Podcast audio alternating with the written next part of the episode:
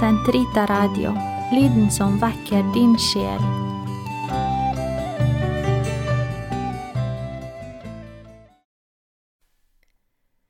Karmels hage, episode 39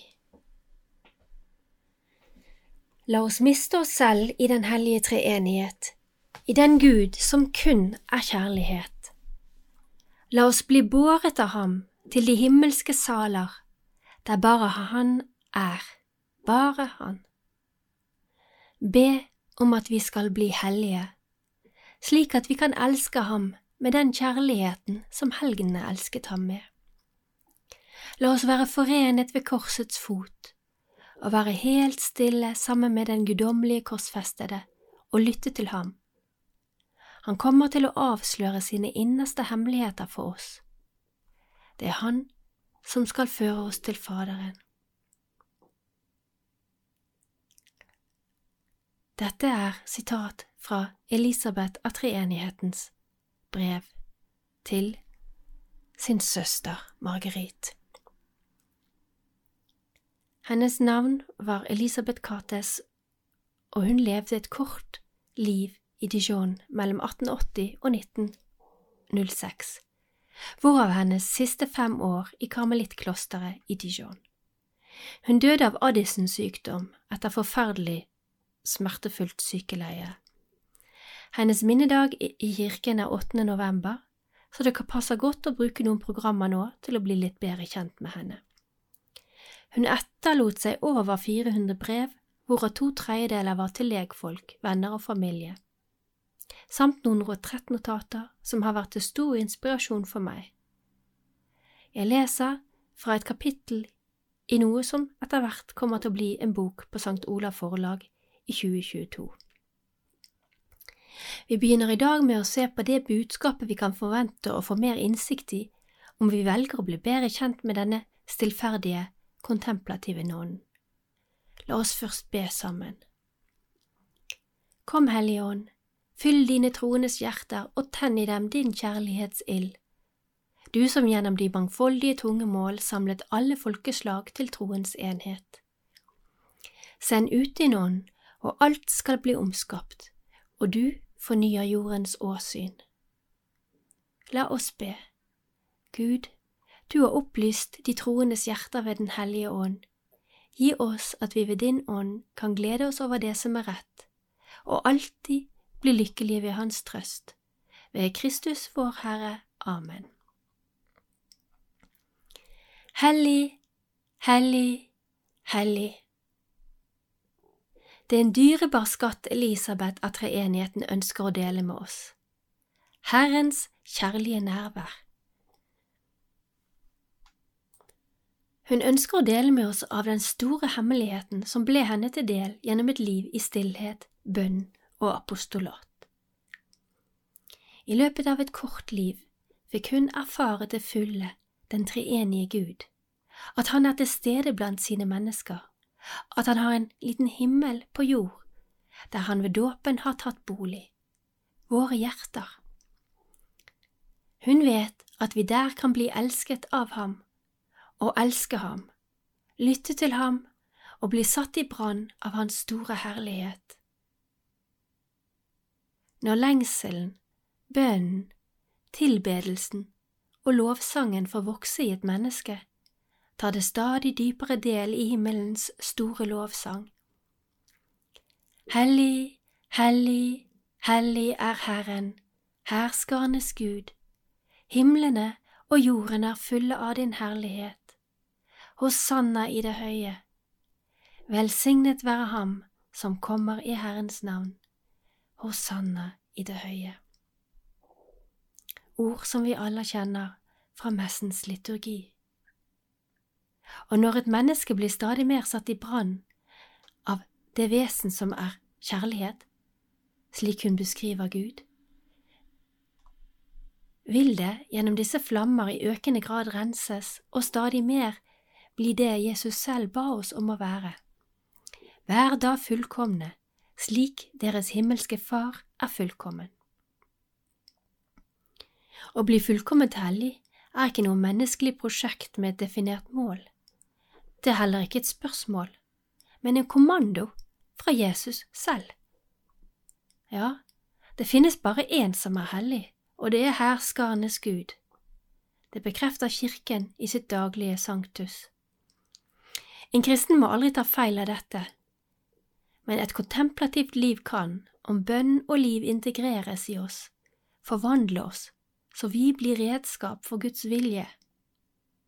Vi har alle mulighet til å utstråle noe av Guds hellighet, og Elisabeth kan vise oss hvordan. Elisabeth trodde lenge at hun i Karmel kom til å hete Elisabeth av Jesus, slik som hennes veileder i karmelittklosteret Moder Maria av Jesus het Men så får hun av den samme moder beskjed om at hun skal hete Maria Elisabeth av treenigheten.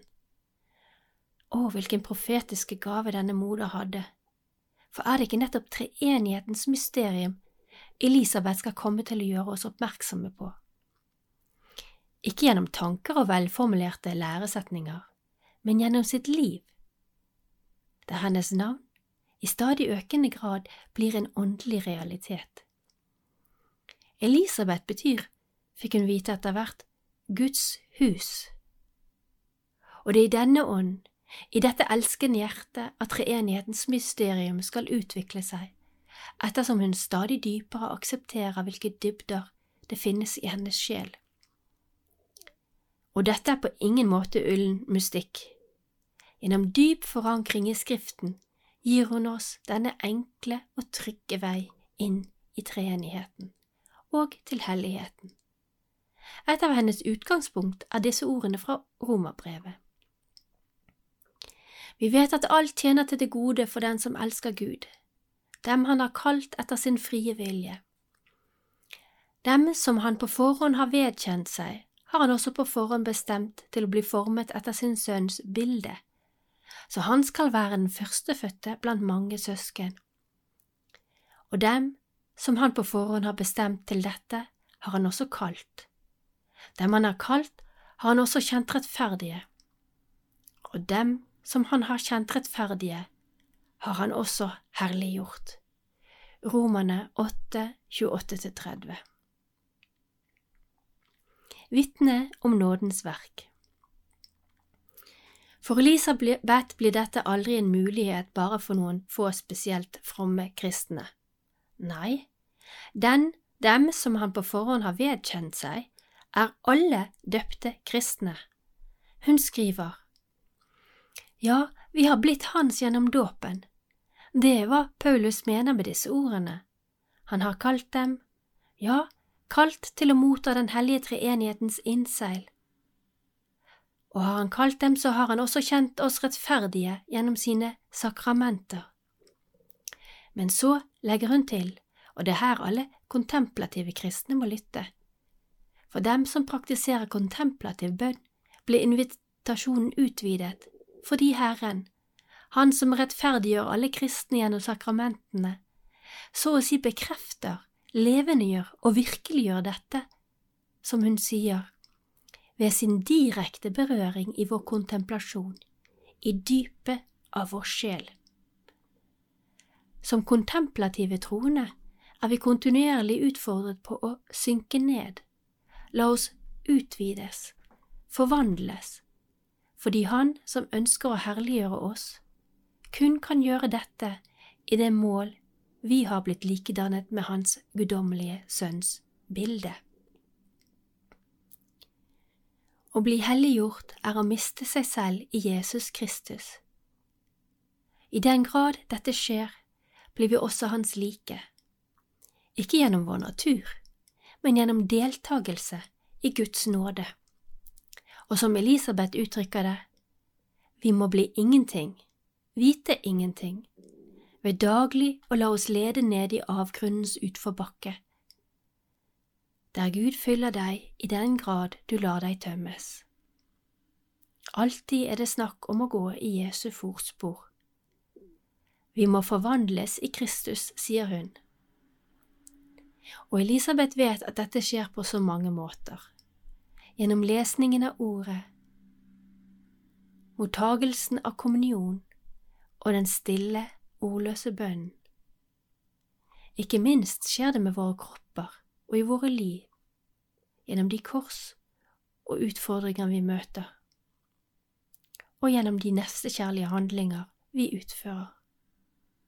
For Elisabeth ble hennes sykdom en mulighet til helt konkret å etterfølge Jesus like inn i korsfestelsen. Karmelittpater Luigi Borriello skriver dette om Elisabeths kompromissløse etterfølgelse mot slutten av hennes liv. Å delta i Kristi lidelse gjennom hennes kroppslige smerter betød for henne at hun var godt på vei langs den vei som leder til de herlighetsfulle mysterier om de tres hellighet. I de siste månedene av hennes liv, da sykdommen ble akutt, aksepterte hun med stor tro det grusomme martyrium ved sine fryktelige lidelser. I en av disse periodene av mest intens smerte skrev hun. Jeg smaker, erfarer, en hittil ukjent glede, lidelsens glede. Før jeg dør, er det min drøm å bli forvandlet til Jesus korsfestet, og det er det som gir meg slikt heltemod i denne lidelsen. Elisabeth var i ferd med å virkeliggjøre sitt kall om å likedannes med sønnens bilde. Hun skulle til det fulle forbli et vitne om nådens verk i mennesket. Og her er det viktig å legge til at Elisabeth, selv om det var vanskelig å motta behandling fra leger, tok imot denne behandlingen, en behandling som veldig ofte økte smerten istedenfor å lindre lidelsen, nettopp fordi legevitenskapen ikke hadde noe konkret medisin eller tiltak mot denne Addisons sykdom som hun led av.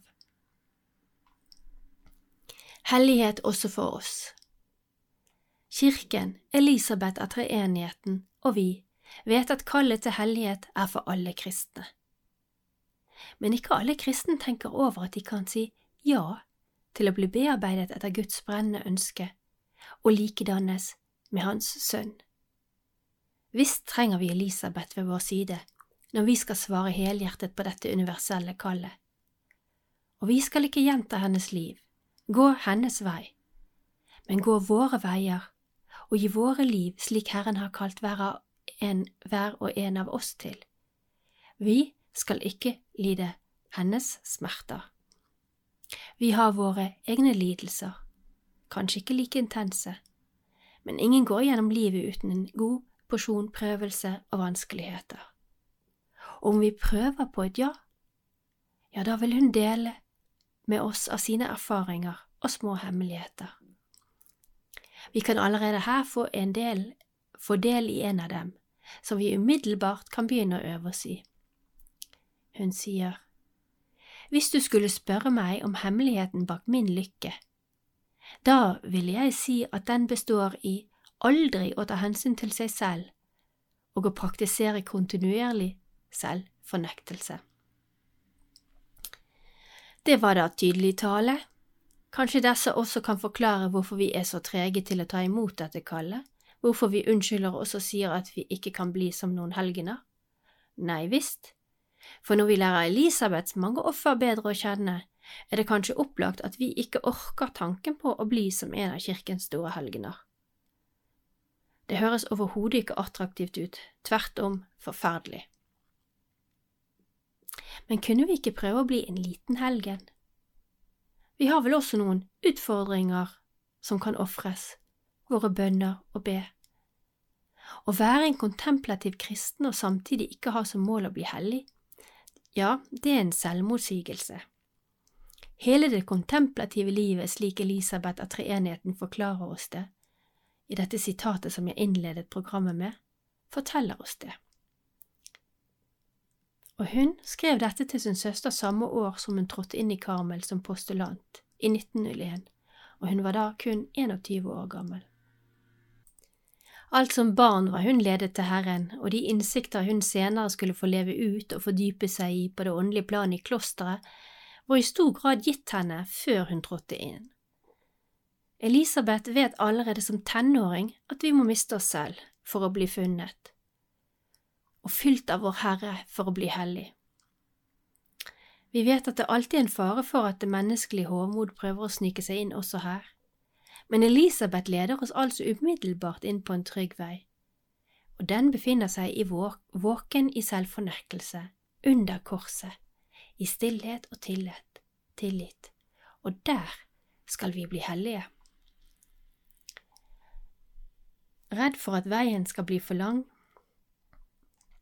så er det kanskje redsel og frykt for lidelse som skremmer oss, redsel for at veien blir for lang, slik den lett kunne ha blitt det for profeten Elias, han som mistet alt motet etter de store åpenbaringer på Karmelberget.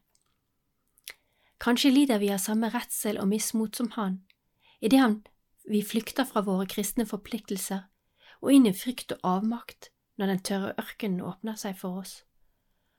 Og kanskje, om vi er heldige, blir også vi vekket av en engel som rører ved oss, slik som den hellige Elias ble det.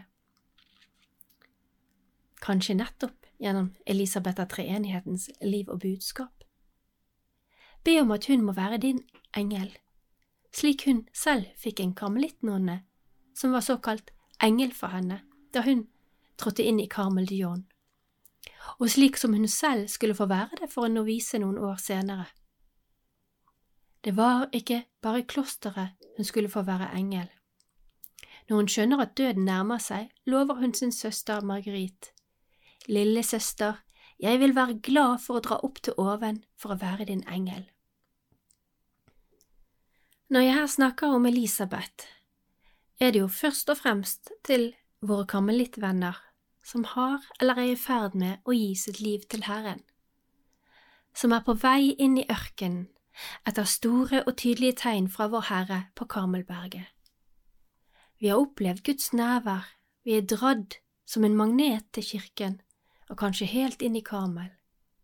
Vår lengsel er vekket og blir aldri slukket.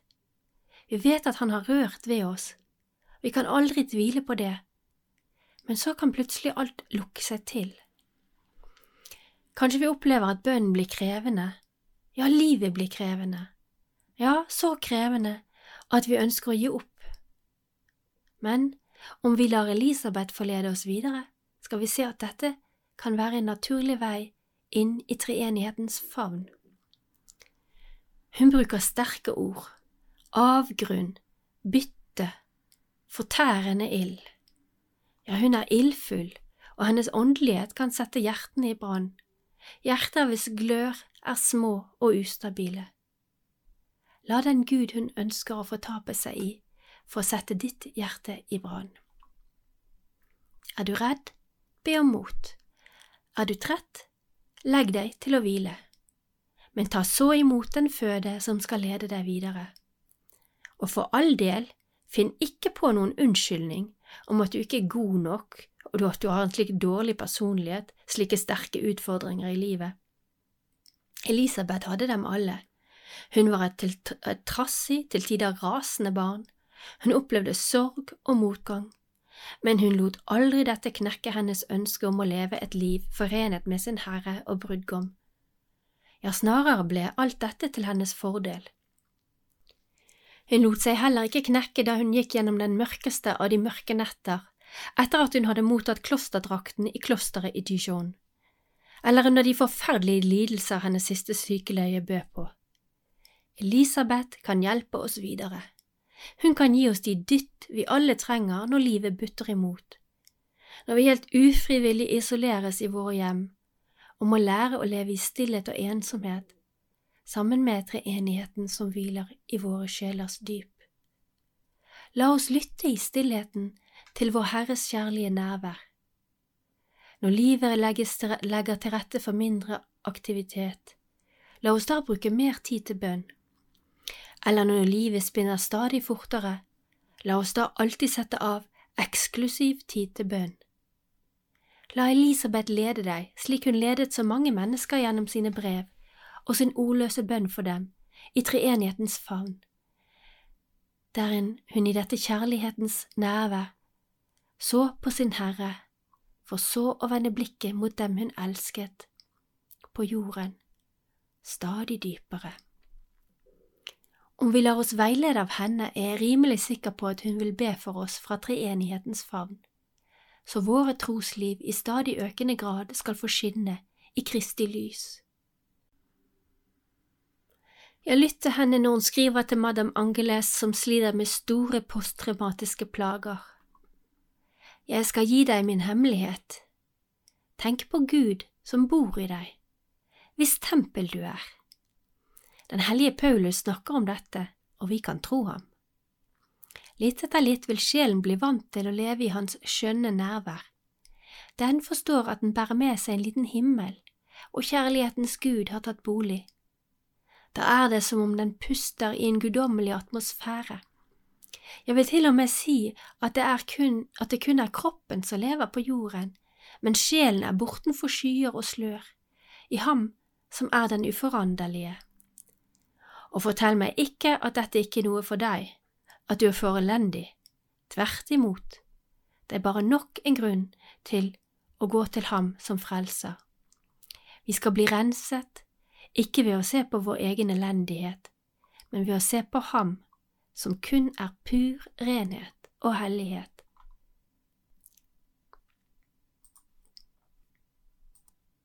Den hellige Paulus sier at han på forhånd er bestemt til å bli formet etter hans bilde.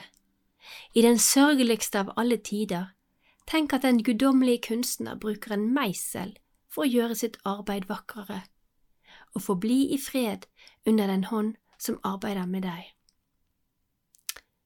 Kom, la oss løpe.